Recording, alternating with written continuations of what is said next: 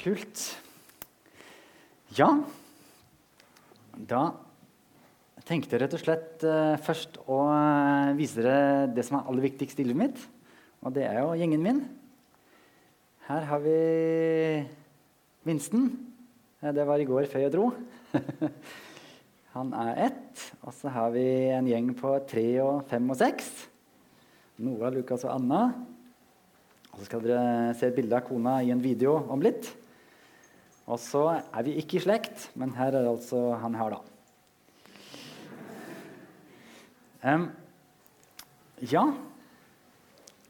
Her på dataen så ser dere litt av det som jeg har liksom lagt merke til hittil på konferansen.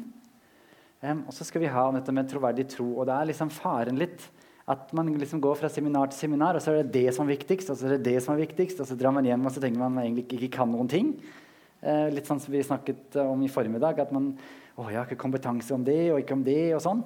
Eh, så bare for å si det sånn eh, Jeg er meg veldig bevisst at jeg trenger Jesus, og vi er samme båt. Jeg føler heller ikke at jeg strekker til der hjemme. Eh, og samtidig så tror jeg at jeg har funnet en brikke som er en del av Guds rike, som er veldig viktig, og som jeg føler at jeg har fått litt reisen på hvordan å formidle til barn og unge. Men det betyr ikke at den brikka er det viktigste eller det eneste. eller Det aller viktigste er selvfølgelig tingene vi allerede har hørt om. Om levd liv, om nære relasjonene osv. Så, uh, så det er hovedretningen. Samtidig så tror jeg det med troverdig tro Er det egentlig sant at Gud fins? Dattera mi kom hjem her en dag, vi går på barneskolen. Ja, men pappa, liksom, hva om det bare er noen som har funnet på det med Gud? Hva er det noen som, liksom, Folk finner jo på enhjørninger og, rosa elefanter og Gud. Sånn? Hva om?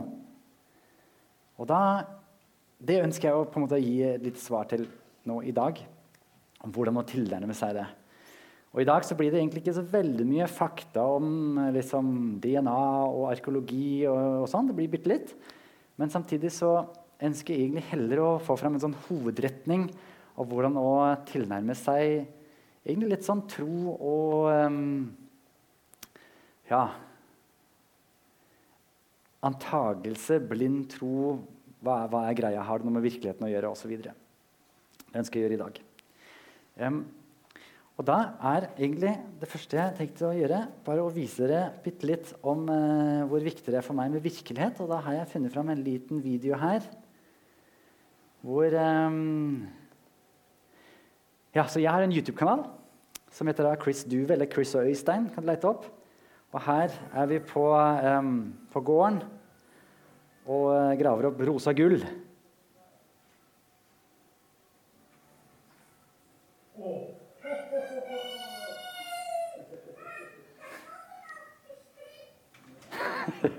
Jeg snakker tysk med unger, da, så det er kartoffelen er. Det er et sånn norsk-tysk. Eh, ja, Noah veldig flink til å snakke tysk. Eh, så vi har småbruk. Og eh, min kone og jeg er eh, Har da våre fire barn og fire sauer og tre høner. Og en gårdsbruk som vi prøver å ta vare på. bare for å plukke opp bitte litt tråden av konferansen før vi går videre så er det altså en video her som dere også kan finne på den YouTube-kanalen min. i en spilleliste der, Hvor vi forteller litt om hvordan vi gjør det med på en måte tro hjemme. Jeg føler egentlig at det er ganske mange svar som vi får høre også på konferansen, som handler litt mer om eldre barn, mens vi er den småbarnsgreia hvor det er bare masse rot og fire, fire unger under sju år. Eh, og jeg føler at veldig mye av det vi blir presentert om å lese bøker om det ene og det andre, det får ikke jeg til. Så vi har funnet på noe som heter ukerytme. Hvor vi gjør ting på faste dager og veldig enkelt. Um, og det kan dere på en måte se litt mer om den, i den videoen der. Så hvis du er interessert i hvordan man enkelt feire nattverd på torsdager, hvordan man enkelt har noe som heter Hjertekroken på søndager, hvor vi tar unga mellom meg og kona og gjør liksom tre helt enkle ting med de barna, uh, osv., så, videre, så kan du se noe mer om det. Men det er min kone Aslaug. Så nå er jeg hjemme og tar vare på mine fire små. Eller våre, da. Ja. Det er oss. Um, Jeg hadde et opplegg for første klasse i fjor eh, om Guds eksistens. Eh, første klasse på en friskole hos oss i nærheten. Og Da brukte jeg et sånt eksempel med vafler. Eh, for da, da, hadde jeg med meg vaffeljern og mjøl og, og alt sammen. liksom. Og skulle vi lage vafler. Men først så prøvde vi å lage vafler uten noe. Og bare vente og se om det kunne bli noe. Og Da var jo alle enige i at det blir jo ingenting av ingenting. Uh, men når vi, når vi, har noen som gjør noe og blander og lager ting, da, da blir det noe. Da blir det vafler. Uh, og da jeg forberedte det hjemme med min uh, Noah, da, som da var fire, så snakker vi om det at vafler blir ikke til av seg sjøl. vafler har en start, de blir ikke til av seg sjøl, så noen må lage de. Verden har en start, blir ikke til seg sjøl, noen må lage verden. Og selvfølgelig tenker han, når blir stille, så tenker han ja, hvem er det som har lagd verden? Ja, hvem er det som er stor nok til det? Det er Jesus. Ja, men kan Jesus lage seg sjøl? Hvordan ble Jesus til? Hvor kommer Gud fra? Så hele Richard Dawkins-argumentet egentlig, eh, kommer han med med en gang. Så dette at barn er tenkende mennesker, og at vi, at vi måte, hvis vi unngår den delen av Guds rike og ære Gud med tankene og finne ut av de tingene, så tror jeg vi gjør en stor tabbe. Dessverre så føler jeg egentlig at jeg opplever litt at når vi kommer til tvil og liksom, er det egentlig sant og sånn, så er ofte svaret at vi kan ikke vite alt, og skal være, vi skal ta det i tro, og, eller vi skal be så tvilen går, borte, går, bort. Men jeg føler egentlig at det er mye bedre å ta tvilen fram. Se hva er det vi egentlig tviler på? La oss se på det, undersøke. Fordi hvis det ikke er sant, så vil vi ikke ha det. Og hvis, hvis det som står i Bibelen, eh, ikke har noe for seg, ja, da må vi la være. Vi er ikke kristne på måfå. Eh, da må vi på en måte sjekke og undersøke. Og det ønsker jeg å gjøre i dag.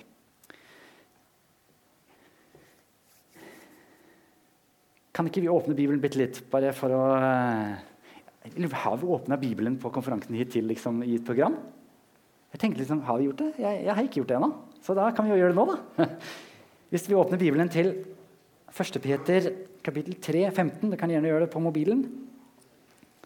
Eh, siden det ikke er noen barn her. Jeg hørte på eh, seminar i går, da sa Trond Sæther at det var lurt å ha en ekte bibel, så barna så at ikke du drev med Candy Crush. 1. Eh, Peter kapittel 3. Det er et sånt vers som ofte kommer opp når man snakker om det med apologetikk, trosforsvar, forklare er det egentlig sant og sånn. Men der blir ofte ikke tatt fram hele verset. da. Og det syns jeg er, eh, er, litt viktig. Um, skal vi se Nei, vi er i andre Peter. Unnskyld meg. unnskyld meg.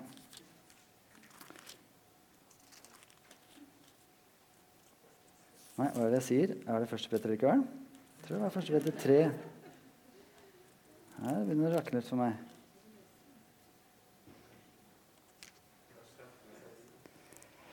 Første 3, 5 og 16. Å ja! Jeg brukte en annen bibellista som har samme type cover. Og da var verset et annet sted på arket. Og det var riktig vers, da. 3 og 15, ja. Men hold Kristus hellig som Herre i hjertet Vær alltid klar til, for, til forsvar når noen krever dere til regnskap for det håp dere eier. Men gjør det ydmykt og med Guds frykt, så dere kan ha en god samvittighet. Og Da har vi jo 'first things first'. The main thing is to keep the main thing the main thing. Og det er å ha Jesus som herre i hjertet, i livet. For da blir det levd liv. Da blir det de relasjonene. Og Samtidig skal vi være beredt for å kunne gjøre rede for hvorfor vi tror slash tenker at det fins en Gud, at det som står i Bibelen, er sant. Men hvis vi skulle hatt en liten undersøkelse bare her, hvor mange av dere tenker at det er sant at Gud finnes? Det var de fleste. Hvor mange tenker det er sant, det som står i Bibelen? Okay? Så hvor mange er det som tenker at det er sant at Jesus eh, døde og sto opp fra de døde? Okay, så da har vi svart på tre sannhetsspørsmål. Så hvis noen som ikke har hørt på Øystein CD3, kan si hva er sannhet? Hva er din definisjon på sannhet? Noen kommer og spør deg i skoleklassen eller uh, på Ansgar eller på jobben Hva er egentlig sannhet? Hva ville du svart? Du var ganske bestemt på at du veit hva som er sant, så du burde uh, ha noen tanker. Ja, vær så god. Fakta, test, testa. Ja, ja, bra. bra. Vi er inne på noe. Jeg vil vise dere en liten video om, eh, om, det med sannhet. Og da vil jeg vise dere litt fra den eh, YouTube-kanalen. Derfor går jeg inn her nå for å vise dere Når du åpner den kanalen, så er det jo da spillelister. Og jeg har jo alltid vært veldig glad i å gjøre ting gratis. pre Øystein. Vi har delt ut over en million Øystein-CD-er og YouTube-opplegg. og sånt. Det er jo gratis tilgjengelig også for dere. Eh, blant annet eh, opplegget som Viggo og jeg lagde sammen med Viggo Crisper Tweens. Da ble jeg gjerne med gratis så lenge vi kunne legge ut på nettet når vi hadde tjent inn de pengene de måtte tjene inn for å liksom, betale for produksjonen. Så alt det òg ligger her. Ligger her i spillelistene. Så vi klikker oss inn der. Og da, hvis du scroller nedover, så finner du eh, noen interessante spillelister som vi skal være innom i dag. Her er den Viggo Chris for Tweens. Skal se bitte litt på den. Men det er også en som heter eh, Awana.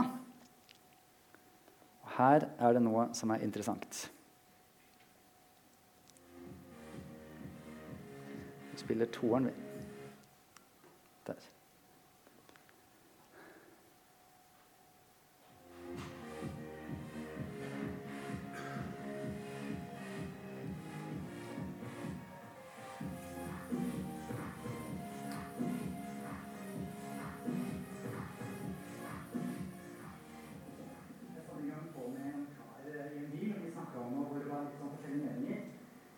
Ja, ja, alt er jo relativt.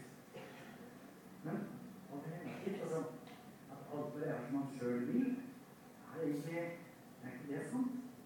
Sist jeg fant ut at virkeligheten det er et bra sted å begynne å befinne seg i livet. Dette med at alt er relativt, har dere hørt det før? Ja. Tenker dere sjøl at det er sant? At alt er relativt? Ja. En sak vil alltid være variert basert på situasjonen eller hvem det gjelder. eller Tror du at det finnes noen absolutter?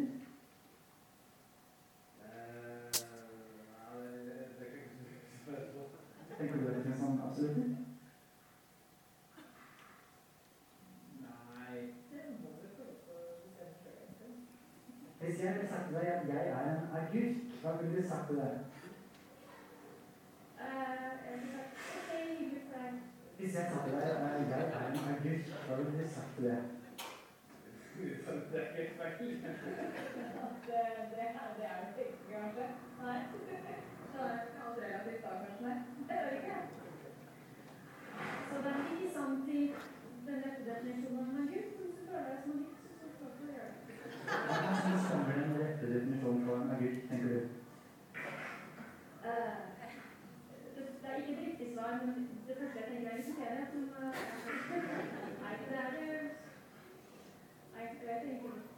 Men det er jo Mennesker er ikke noe grønnsak, så ganske naturlig. Kan vi bestemme hva som er virkelig? Ja, til en viss grad, kanskje. For eksempel hvordan? Nei, der tror du man bryter, jo. Er det noe i virkeligheten som vi ikke kan få gjort noe med? Ja, det er jo ting som er sånn det er. Jeg tror vi Og som gresset vokser jo, og ting, ting skjer.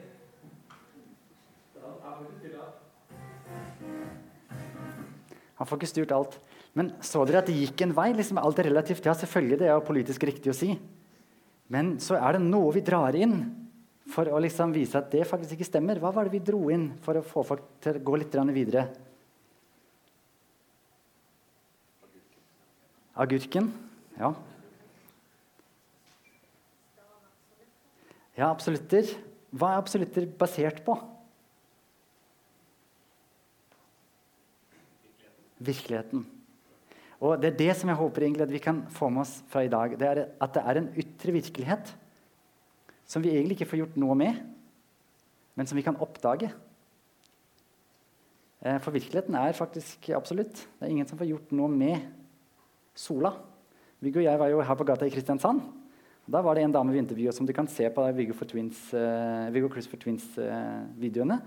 sånn, ja, alt er relativt. Og ja, kan du være Elvis, du, da? Ja, jeg kan være Elvis, liksom. Ja, Da skulle jeg sagt 'Kan du synge for oss?' Det glemte jeg. Men jeg sa um, 'Hva med sola i himmelen?' Den er jo der. Uansett hva du tenker eller tror eller Ja, kanskje det fins absolutter. Så det å vise og det å snakke om at virkeligheten er som den er Ja, men skal vi ikke snart snakke om Jesus? Hvor ble det av Bibelen? Ja, faktisk så tror jeg vi må gjøre et sånn grunnarbeid. Og dette ønsker jeg å snakke så mye om. Jeg gjør så tydelig at jeg trenger en frivillig for å vise et eksempel. Er det noen som vil få godteri? Ja, vær så god. Kom opp. Så hvis jeg sier 'vær så god, her er godteri, spis', hva er problemet? Det er jo ingenting der. Det er ingenting der. Så når jeg sier 'det er godteri her', er det sant? Hvorfor er det ikke sant? Det stemmer ikke med virkeligheten. Helt riktig. Men hvis jeg nå sier 'vær så god, her er godteri', bare ta. Tusen takk. Er det sant at det var godteri her nå? Hvorfor er det sant? Stemmer med virkeligheten. Eh, takk, tusen takk. Applaus. da jeg um, jobba med den serien som Viggo viste, Øystein serie 3, så um, jobba jeg mye med det, sannhet og hvordan å liksom nærme seg det. Og da var den beste definisjonen jeg kunne komme på, det var at sannhet er det som beskriver virkeligheten. Kan sannhet forandre seg? Selvfølgelig. Har jeg hånda mi på hodet? Er det sant? Ja. Er det sant at jeg har hånda mi på hodet? Nei, for virkeligheten har forandra seg. Så til en viss grad så er ting som kan forandre seg. Og det fins jo ting som er relative. Syns, eh, er det noen her som syns det er varmt her i rommet? Er det noen som her syns det er litt kjølig? What? Vi er i samme rom. Men hadde du målt gradene på de forskjellige stedene, så måte, hvis det er 21,3 grader akkurat her, så er det ingen som får gjort noe med det. Eh, i forhold til at det er det akkurat da. Du kan jo varme opp, da blir det varmere igjen. Da har du forandra virkeligheten. Men dette er også tingen som er absolutt. Noe er relativt. Men verden og virkeligheten kan vi finne ut av det til å stole på. Og her er det en enorm frihet for postmoderne unge mennesker som har vokst opp med at alt er relativt, og ingenting er sikkert. Jeg kan ikke vite om jeg er gutt eller jente. Jeg kan ikke vite noe. Det er, det er en tung byrde å leve med. Mens det som vi faktisk kan forholde oss til, er virkeligheten. Og vi kan beskrive virkeligheten, og når vi beskriver den riktig, da er det sant. Så hvis jeg kan vise dere enda litt tydeligere, så har jeg litt lyst til at vi på en måte skal koble eh, sannhet og virkelighet. Du, hvis du har en penn, så kan du skrive på hånda hvis du vil. Men poenget er altså at vi skal koble de to. Et sånn New Orange. Sannhet og virkelighet. Det ønsker jeg gjerne at dere skal ta med. Og For å vise dere enda litt til, så trenger jeg en frivillig til som kan hjelpe meg med et eksempel. Ja, vær så god. Kom opp. Kjempefint. Her foran meg ser dere fire esker. I en av de eskene så er det godteri. Og du kan få lov til å velge hvilken eske du vil satse på.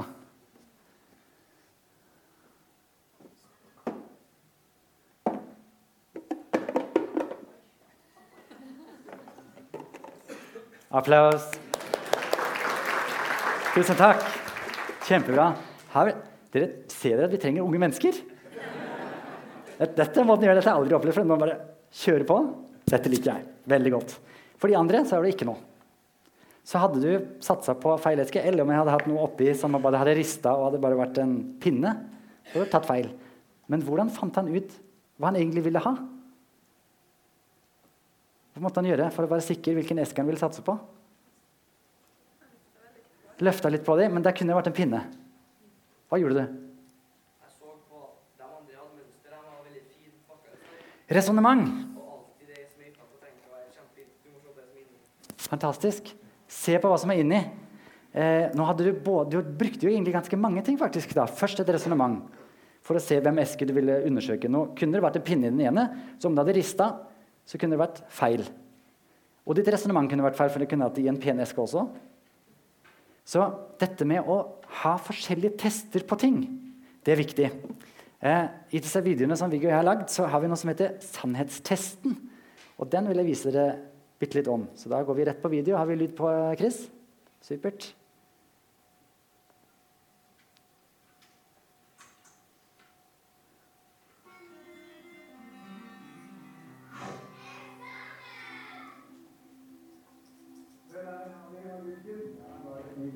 Ja, hvordan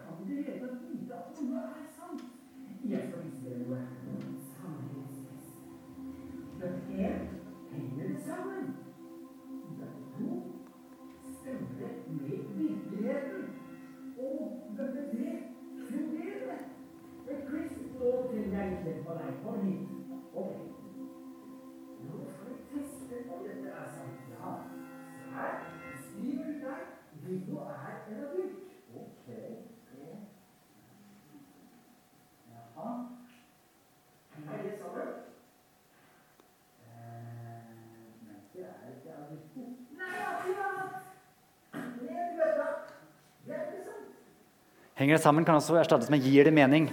Det blir likt.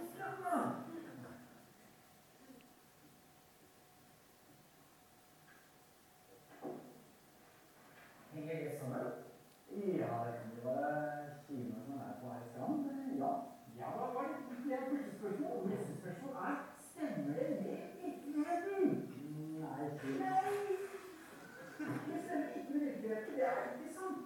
Ja, han er rett i det han sier, for det- den kinoen var ikke på planen. Men du skal gjerne ha det. Det er bra å stjele. Ja, skriv det, skriv det. Da tar jeg sannhetstest til. Ikke sant, ikke sant? Og første spørsmål i sannhetstesten vår, det er jo henger det sammen? Altså for dem som liker å stjele, så henger det sammen. Ok, da går vi videre til neste spørsmål. Stemmer det med virkeligheten? Så noen som stjeler, de får jo masse ut av det dessverre, så det det er jo Men fungerer det, så er det siste spørsmålet? Nei, du kan aldri tenke det. Du kan aldri tenke det. Da kaster vi den i møtta. Det stemmer ikke med virkeligheten at det er bra å stjele. Men er det ingenting som er sant, eller? For eksempel at Chris og jeg er kompiser. Ja, det må vi teste i sannhetstesten. Skriv det, skriv det. Spørsmål er det sannhetstesten? Henger det sammen? Ja, det henger sammen med at vi alle er kompiser. Stemmer det da med virkeligheten? Vi er like kompiser, vi er Siste spørsmål, hva er det spennende? Fungerer det? Nei. Ja, det ja, ja. Ja, det fungerer. Sannhetstesten, her ser dere. Sannhetstesten. Det som beskriver virkeligheten, det er sant. Lykke til med sannhetstesten, gutter. Dette her er, det er ni episoder. Det ligger der gratis. Det er bare å bruke. Er, vi har også lagd et sånt uh, tilleggshefte som det går an å få tak i hvis du skriver en mail til meg. Uh, kanskje vi kan sende ut det som PDF nå, faktisk. Det kan hende faktisk vi får lov til. Uh, så det er, kan du bruke hjemme med familien eller i tweensgruppa eller med konfirmanter. Det skal gå an. Um, så det er sannhetstesten, og det um, er jo da noe som vi virkelig trenger å lære bort. For det, den, det som beskriver virkeligheten, det er sant. Sannhet er det som beskriver virkeligheten.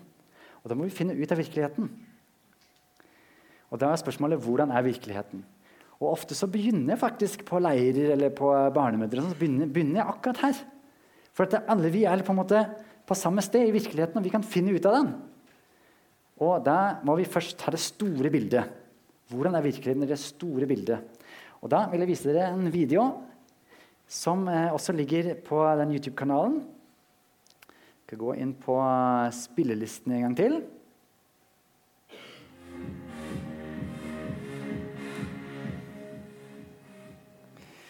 Og her er det en serie som heter 'Hvordan er virkeligheten?'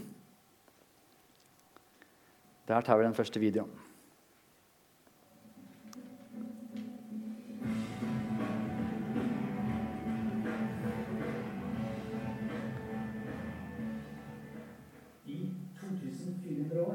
Trodde verdens ledende vitenskapsmenn at universet alltid hadde snurra.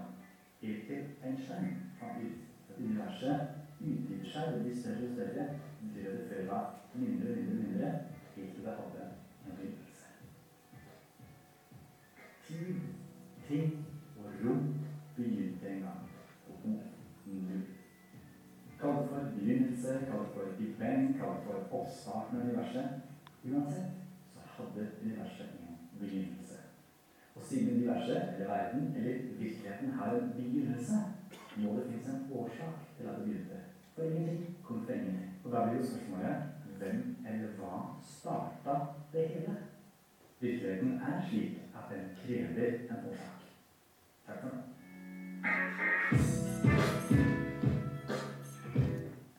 Så det grunnleggende greiene der, som er et av de største gudsbevisene vi har, så er det ikke sånn at ah, Gud, Gud og Big Bang er motsetninger.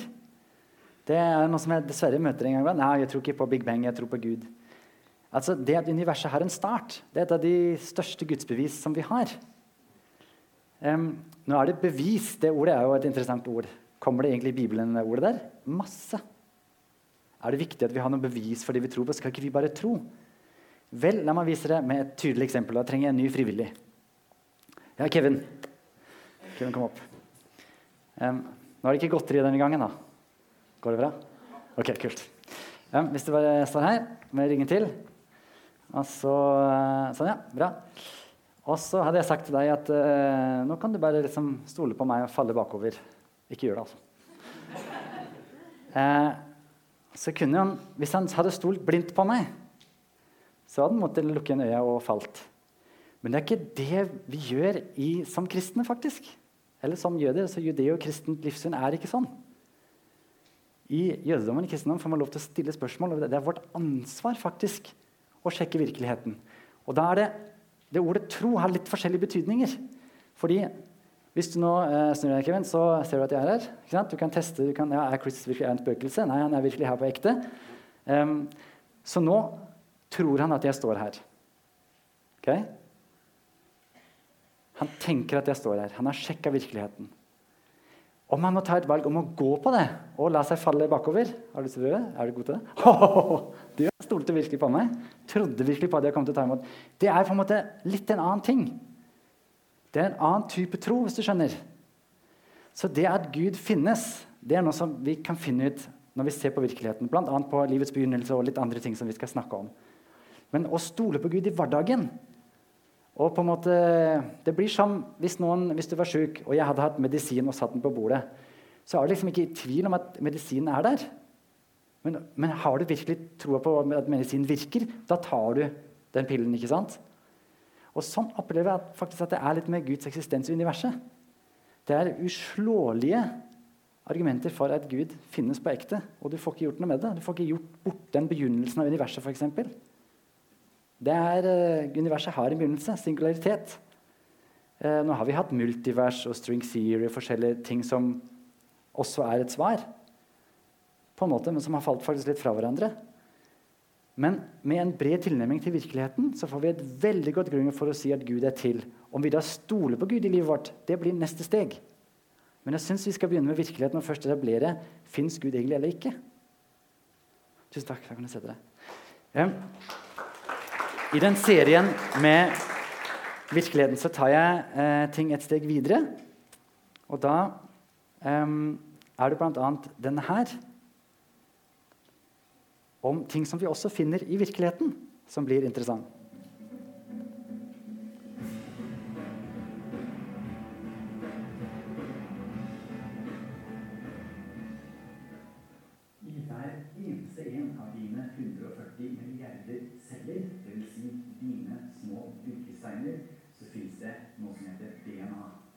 I hver celle så er oppskriften til hele deg. Hvordan øynene dine er, hvordan ørene dine er, om du har skjegg. Og det er 1000 bøker med 1000 sider informasjon inni hver celle. Flere gigabyte. La meg vise deg en liten video om hvordan dette fungerer. Så vi kan kikke i innsiden av en celle. Ved hjelp av dataanimering kan vi trenge inn i cellen og se hvordan dette fantastiske. Gjennom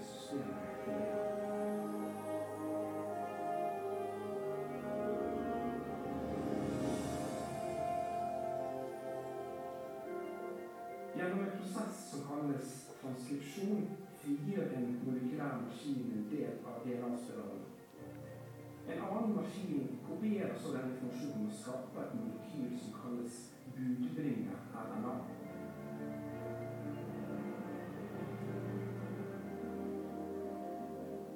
Når transkripsjonen er klar, fører den tynne RNA-kjeden den genetiske informasjonen gjennom kjernehodekomplekset, som er de hovedlignende strukturene i kjernemembranen, der kan transport inn og ut skjer.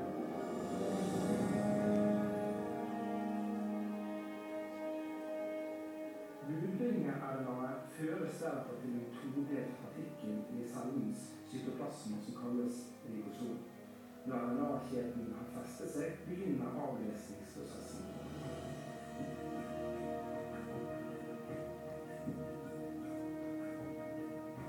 Inne i ribosomet blir det satt sammen en kjede av aminosyrer på et molekylært løpebånd.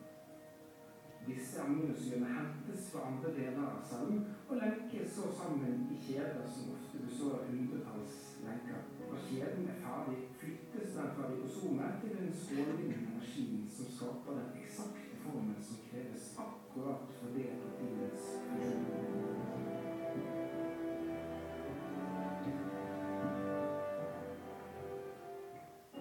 Når kjeden har vokst sammen til en protein, føres den av en annen molekylær maskin til det stedet der det trengs. Bøker skriver ikke seg sjøl. Og DNA ikke seg sjøl. Og her er det ikke bare snakk om død informasjon som i en bok, men fungerende informasjon som bygger hele deg. Da kan du si når det finnes i virkeligheten, så må vi ha en forklaring på hvorfor det finnes. Det skriver ikke seg sjøl. Derfor må noen ha lagd det. Takk for nå. Og som sagt så syns jeg det er viktig med en sånn bred tilnærming til virkeligheten. Nå det, kan man være en veldig god kristen selv om man tror på evolusjon og at ting har blitt til av seg sjøl. Det er ikke det vi eh, argumenterer for eller imot nå. Men samtidig så syns jeg virkeligheten viser og gir en retning av at det er skapt, at det er laga, at det er design her. Om det er frontloadet helt fra starten og så på en måte stuert gjennom det, eller om Gud grep inn der og da og gjorde ting. Uansett så finner vi ikke noe sted i universet hvor informasjon med funksjon har blitt til på tilfeldig vis.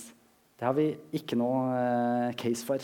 Men vi har veldig sterk case for informasjon som har oppstått av en designer for at den skal fungere. Um, og her er det en sånn ting hvor man må holde tunga litt rett i munnen. fordi eh, ofte så hører jeg eh, det at vi sier at eh, det er så vidunderlig at Gud må ha lagd det.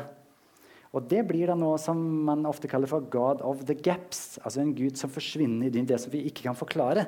Alt som vi ikke kan forklare, det må Gud ha gjort. Så har vi liksom et blanke svar på det. Det blir, blir vi kristne anklagd for. Eh, mens det er ikke sånn det fungerer. Fordi det er pga. informasjonstankegang at fungerende informasjon, en kode, eh, DNA f.eks., eller en, en computerkode som et program som fungerer, det har alltid et opphav i et design, i et endemål som må ha blitt nådd, fordi underveis så fungerer det ikke helt til det fungerer. Og Sånn er det også med DNA. Så det er fordi vi vet dette om informasjon, om fungerende informasjon, at vi da som en logisk rekkefølge konkluderer med at DNA også må ha et designopphav. Eh, så det er fordi vi vet noe, at vi snakker om de tingene.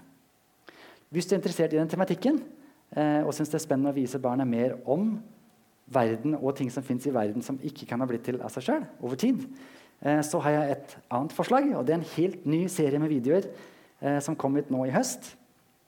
Og da går jeg tilbake på kanalen min, for jeg vil gjerne at dere skal begynne å bruke de tingene mer. Eh, spillelister. Og her er det naturens konstruksjoner.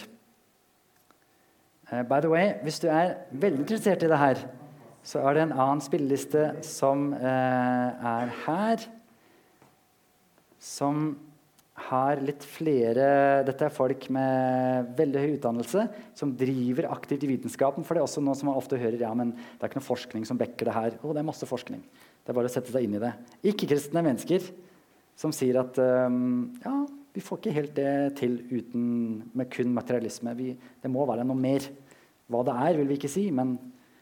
Som gir en bredde, syns jeg, for å kunne si at jeg tenker at Gud fins, og ikke bare jeg tror og håper at Gud fins, men jeg tenker det ut fra virkeligheten. Eh, bare for å vise dere bitte litt av disse videoene her, med den spillelista som jeg fikk fram der. Eh, skal vi se Vi ser hele spillelisten. Mm -hmm. Da er det altså sju videoer. En delfiner, kolibrier, sommerfugler, hvaler. Eh, litt om eh, jordlag eh, og den kambriske eksplosjonen, hvor det plutselig kommer opp masse fossiler som ikke har noen fossiler som leder opp til de. Veldig veldig interessant. Og dette her fungerer helt ned til fireårsalderen. har jeg skjønt. Eh, tenåringer. Jeg har brukt dem konfirmanter. Eh, pensjonister. For det er så vakre naturbilder. Eh, jeg tenkte å vise dere kan. Nå trenger ikke du, bare, altså, Det har vært en diskusjon i mediene nå eh, i det siste med evolusjon og kan man være kristen osv. Selvfølgelig altså, Bjørn Ari Davidsen, eh, en som jeg har kjent i noen år, som var med og hjalp meg med Øystein CD3 blant annet, og hjelper meg nå med en ny Øystein-bok som heter 'Øystein på smulejakt, Som kommer eh, som et svar på min datter sitt spørsmål om Gud er funnet på. Kommer nå i mars. Eh, og han er en kristen kar, så, så, det er liksom ikke der det ligger. Samtidig så tenker jeg at salmene og Bibelen ellers er så full av at naturen viser oss at Gud fins. Jeg synes det er en, faktisk en god anledning om det er frontloadet fra før og Gud bruker revolusjon, eller om det er noe Gud aktivt gjør, er egentlig litt et detaljspørsmål. Men at det er designa, det tror jeg vi kan være enig i. Um, I Romerne 1, vers 20 så står nemlig også akkurat det. Hans usynlige vesen, både hans evige kraft og hans guddommelighet, har, fra verdens skapelse av, eh, har de fra verdens skapelse av kunnet se og kjenne hans gjerninger. Um, så det at uh, skapelsen viser oss at Gud fins, det syns jeg er en viktig ting.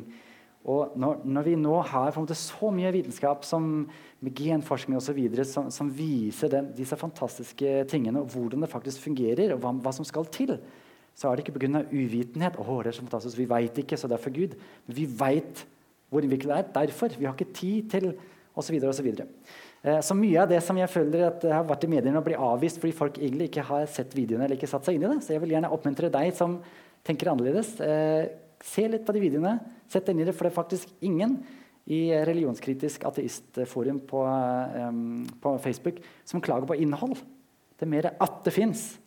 Men når diskusjonen kommer ned til innhold, så syns jeg faktisk at dette designargumentet har veldig mange gode poeng. Men dette kan du prøve å finne ut av litt mer sjøl. En myte som vi har veldig oppegående i Norge, er jo at vitenskap og Gud slåss, liksom. At de er mot hverandre.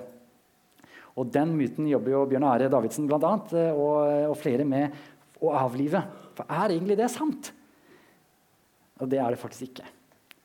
Hvem er det som starta alle de gamle universitetene som vi fortsatt har i Europa i sin tid? Hva slags mennesker var det? Kristne mennesker med Bibelen i hånda. Og hvorfor det? Jo, fordi her står det jo at verden ikke er kaos, for kaos er ikke verdt å forske på. Men at verden er kosmos. Og faktisk gir oss et ansvar med å finne ut av dette kosmoset og bruke det til gode ting. Derfor starter disse folk på universitetene. Når jeg snakker med um, barn og tenåringer om dette, her, så sier jeg ofte at la oss si du hadde en bestefar som lagde en vedstabel her og en vedstabel her. Og han sagt til deg i den vedstabelen her har jeg lagd en liten figur til deg. Hvilken stabel vil du lette i? Den med bare kaos, eller den med noe som du tror er verdt å finne? Selvfølgelig den her. Derfor starta de universitetene. Den dag i dag så har Oxford University et motto. Er det noen som vet hva det er? 'Herren er mitt lys'. Det er mottoet der. Så, så det er den arven om altså Jørgen Habermas, veldig veldig kjent filosof, eh, ikke uttalt kristen, eh, nok kanskje gudstroende på slutten, men eh, han sier at den, denne moderne vitenskapen og, og, disse forskjellige greiene som vi finner ut, vuggen til det, oppstått i den kristne judeo-kristne tankegodsvuggen. Fordi Thor og Odin gir ikke grunnlag for vitenskap, for er det, da er det vilkårlige ting som skjer. Mens her er det en Gud som har skapt en verden med orden. Så det er fullstendig bomskudd å si at Gud er mot vitenskap. Det er ikke sånn at du må velge heller. For det er faktisk det er grunnlaget med at du faktisk kan tro. Du kan, du kan gå for noe, og så finner du ut av noe. Du kan vite noe. Det grunnlaget får du kun dersom det fins en Gud. For hvis alt er kaos, og kommer fra kaos, så er du en kjøttklump. Da er dine tanker til og med tilfeldige. For det har bare aksjon-reaksjon. Men dersom det fins en Gud som har lagd verden, så kan han lage tenkende vesener. Og det opplever jeg at vi er. Eh, når jeg er på Grillen kristen, så kommer det opp litt forskjellige argumenter. Liksom, eh, for eksempel, ja, men ondskap fins ondskap, derfor fins ikke Gud. Det kan ikke finnes noen god Gud fordi det fins ondskap. Og så spør jeg tilbake ja, men hvordan kan du påstå at det fins ondskap? Du tror jo at alt er bare kom fra ingenting og utviklet, og alt må bare bli som det er. Det fins ikke godt og ondt. Da var det helt stille. Drop the mic. Han kunne innrømme det. Han sa at ja, filler'n, jeg har jo ikke rett til å si at det fins ondskap. Jeg som ikke tenker at Gud er der. Så la oss ikke være redde eh, for å møte tanker. og Du trenger ikke finne ut av alt heller. Eh, men du kan vise sånne ting. Du kan komme i samtale, eh, skrive mail og spørre. Det er mange jeg skriver dialog med på Facebook eller YouTube. Og, så jeg kan ikke alt det heller. Da kan jeg henvise. Men i vår religion, i, vår, i, kristendommen, så er det lov å stille spørsmål. Du blir ikke drept om du tviler. Det er lov. Det er andre samfunn, trossamfunn i Norge hvor vi begynner å tvile. Hvis du går på vg.no og skriver et eller annet om at muligens er det noe gærent med evolusjonsteorien, Da får du liksom 50 hatmeldinger. Det gjør det ikke hos oss. Her er det lov å stille spørsmål. Og vi har jo ikke bare det at verden er lagd som er på en måte noe som vi finner ut av virkeligheten, men vi har jo også dette stemmer det med virkeligheten, og fungerer det? Og I Norge så har vi jo en fantastisk historie eh, om vikingene som var og drap folk eh, og herja på. Og så får vi høre ja, men de, de, innførte kristendommen med sverdet. Nei, faktisk ikke. 600-700 år etter Kristus, hva var det vikinger stjal med seg? Munker og slaver fra England og Irland som hadde med seg en viss bok. Denne her. Og det begynte å forandre vikingene. Begynte, de begynte å tenke ok, verden er ikke vilkårlig. jeg kan ikke bare styre på. Det er en som faktisk kommer til å dømme mitt liv. Og Det snudde deres verden opp ned. Og det var Kvitekrist som gjorde det. Ikke noe annet. Dette er norgeshistorie. Det er ingen som kan diskutere. Hvor kommer de verdiene fra? Det er rett fra boken. Rett og slett. Så den, den historien om hvordan Norge ble forandra, den syns jeg vi skal rett og slett dra fram litt mer. Og vi har jo utallige måter å tenke om det på. Bare tenk på sjakk. Hva er det han kongen har på hodet? Hvem sitt kors er det? Jo, det er Jesus sitt kors. Fordi da Europa sluttet å være regiert av barbarer, roverne hadde dratt, det var full kaos, så kom kristendommen inn, så lærte de at ok, også kongen må følge loven. Rex lex. Loven er konge. Da ble det en helt annen måte å styre et land på. Fordi Kongen kunne ikke på, på vilkårlig vis gjøre alt det han ville lenger. nei. Han måtte også forholde seg til Guds lov som et speil, og loven var over kongen. Det er det som har skapt grunnlaget for Europa. Har du tenkt over at Europa er jo ikke noe verdensdel, egentlig. Det er jo bare en liten snupp av Asia. Hvorfor skal, hvorfor skal vi kalle for Europa en verdensdel? Fordi Europa tok imot dette budskapet og ble helt annerledes. Det ble så annerledes at det ble kontinent. rett og slett At det skilte seg så fælt ut. Fordi man tok imot det som står. Menneskerettighetene som vi har, det kommer rett fra Bibelen. Dette er ikke noe som folk har funnet på ut av den løse lufta. Grunnlovstanken og verdiene der, norgeshistorien Vi har røde Hvem sitt kors er det? Selvfølgelig. Det var en kristen kar som hadde lest i Bibelen. Jeg må bry meg om folk som ikke bare er min familie, men jeg må bry meg om alle mennesker, for Jesus har gitt sitt liv for alle. Så begynner han å hjelpe til etter en forferdelig krig og få med seg flere osv. Ja, men det kan også være kristen halvmåne. Det er faktisk kristent arvegodt som starta det opplegget. Det kan gjerne ha på deg halvmånedrakten når i et land hvor er blitt skutt med et kors. Men samtidig så har vi virkelig en arv der. Ja, men Chris, er det ikke Norge rik pga. oljen, da? Det er oljen som har liksom bygd Norge. Det er tull. Se her. Her er cola. Og nå skal vi bore. Så nå er det 50-60-tallet i Norge, og de har funnet ut at nå skal vi prøve på å få olje. Så de begynner å bore mange mange steder. Og fins ikke olje, dessverre. Hvem er det som tipsa Norge om å prøve en gang til? Vet dere det? Amerikanerne med petroleum. ikke sant? Så vi skylder dem litt, da. Så borer de en gang til, og jammen er det sant, de finner olje. Men tenk om den har gjort følgende. Aha, olje, ja.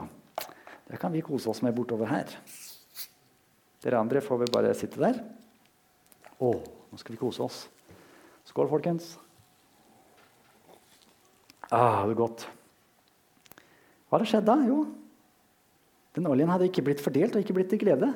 Men hva var det som skjedde i Norge? I Norge så hadde det kristne tankegodset vært allerede i 1000 år, som har fortalt at det som vi har, det skal vi dele. Det er jo en selvfølge at den oljen den skal komme alle til gode. Dette skal vi bruke for å bygge landet. Dette skal vi gjøre som Jesus har sagt. Invitere flere til å være med på festen.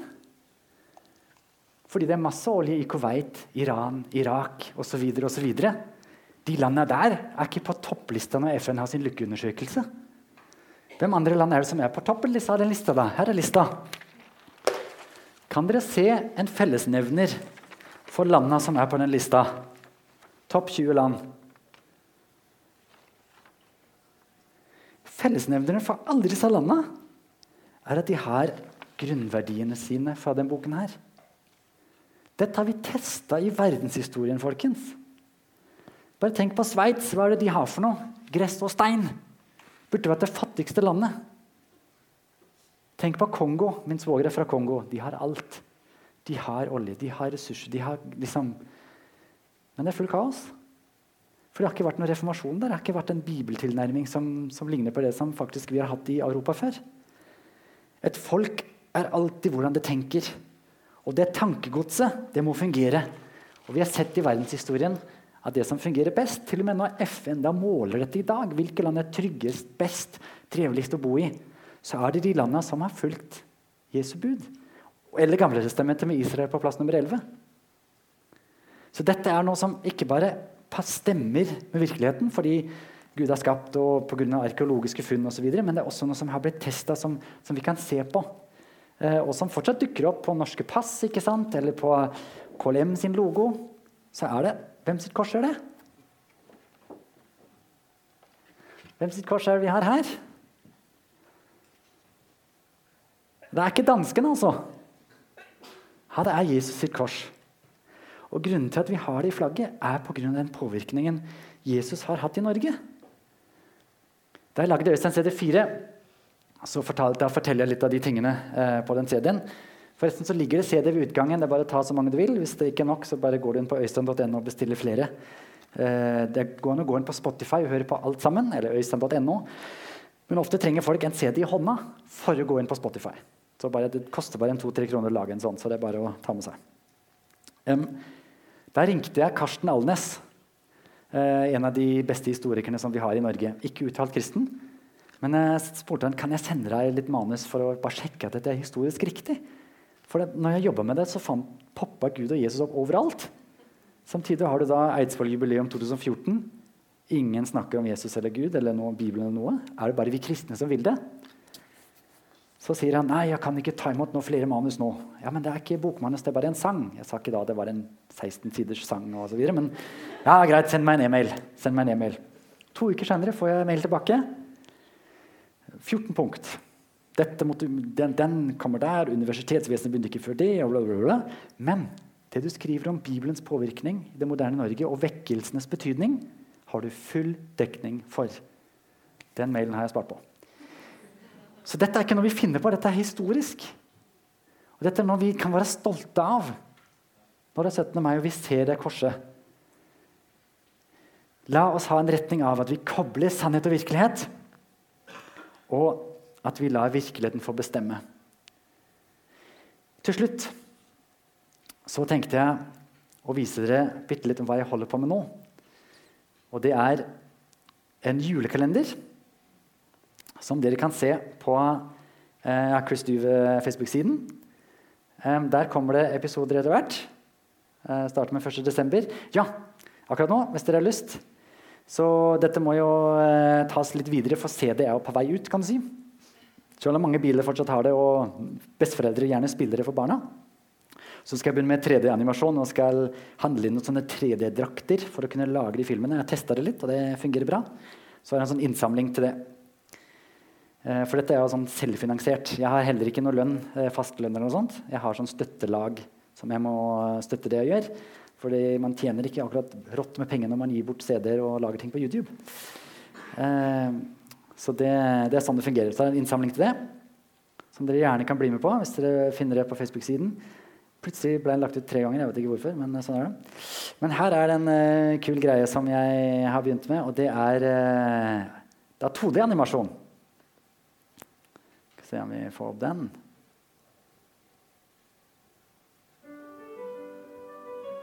Dette er historien om noe som skjedde i en hyggelig by rett før jul.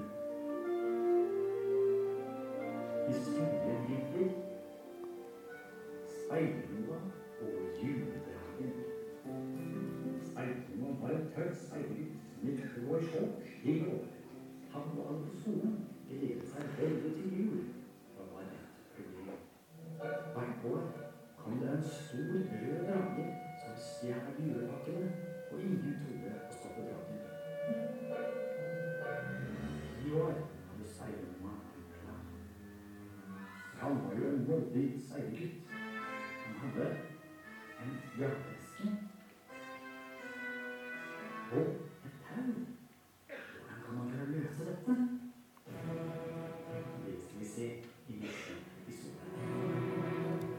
Så det er en invitasjon til å følge med på årets julekalender. Um, ellers så, ja, så er det mulighet til å støtte litt av det jeg gjør. Hvis dere går inn på Facebook-siden og vil være med å sponse de 3D-draktene, så jeg kan lage filmer der. Jeg har også et personlig støttelag som det går an å være med på. Grunnen til at jeg er litt frimodig på å si det høyt, er fordi nå har jeg fått fire barn, og jeg får nesten ikke jobba med noe som helst lenger. så det å samle en støttepartner er ikke så enkelt. Så hvis du har lyst til å gjøre det, så kan du komme til meg etterpå. Men det går an å skrive til meg, og det går an å bruke alt det som ligger på YouTube, som jeg har vist dere nå. Og det er mange episoder, og det er liksom neste halvt års opplegg har du egentlig allerede ferdig lagd hvis du har lyst til å bruke det. Det var uh, litt mye avslutning. Jeg, jeg, er her etterpå. Hvis noen av dere har barn som er veldig gira på Øystein, eller hvis dere har vært barn sjøl og er gira på Øystein, så kan jeg signere noe for dere hvis dere vil. Noen CD eller noe sånt, eller lage en liten hilsen på video på en mobil. Uh, så jeg er litt tilgjengelig etter, etter seminaret. Tusen hjertelig takk.